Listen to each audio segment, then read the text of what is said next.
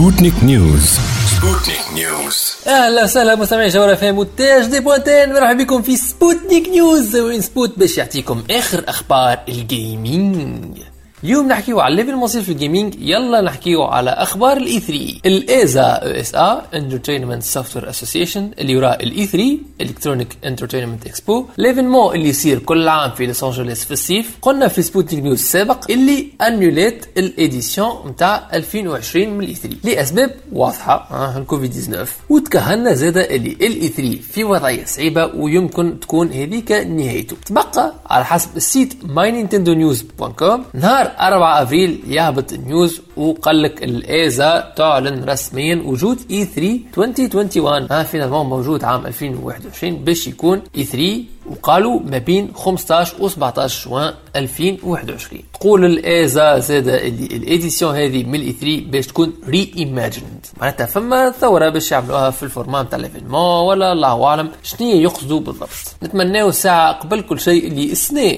2020 ما يكونش فارغ جملة. ويعطيونا على الأقل les vidéos live اللي يتعداو préenregistrées العادة كيما les Nintendo Direct spécial E3 Sputnik News. ال cloud gaming الموضوع المحوري قال الآخر لكن في الحقيقة مش هو الموضوع المحوري. الحاصل؟ عندنا سنين تو نحكيو اللي ال cloud gaming هو المستقبل. زعما المستقبل هذا juste مازال بعيد شوية أما النظرية صحيحة ولا. الحاصل.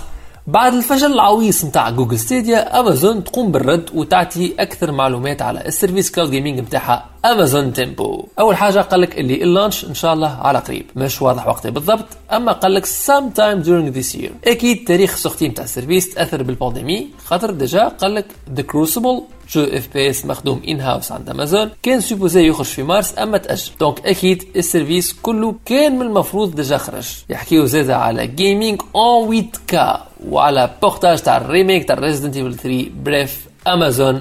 حاول ما تمشيش في خطى Google Sputnik News أخيرا نذكركم اللي ال OMS Organisation mondiale de la santé وإلا ال WHO ال World Health Organization تنصح باش العباد تقعد في ديارها تلعب jeux vidéo مع بعضها عن بعد ومن غادي لانسيت ال hashtag Play Apart Together أقعدوا في دياركم ألعبوا jeux vidéo خلينا فخر قدام ال WHO على خاطرها سلامتنا. تعني لها ال WHO cares about you هذا اللي عنا اليوم في Sputnik News. نعطيكم موعد الحلقة الجاية.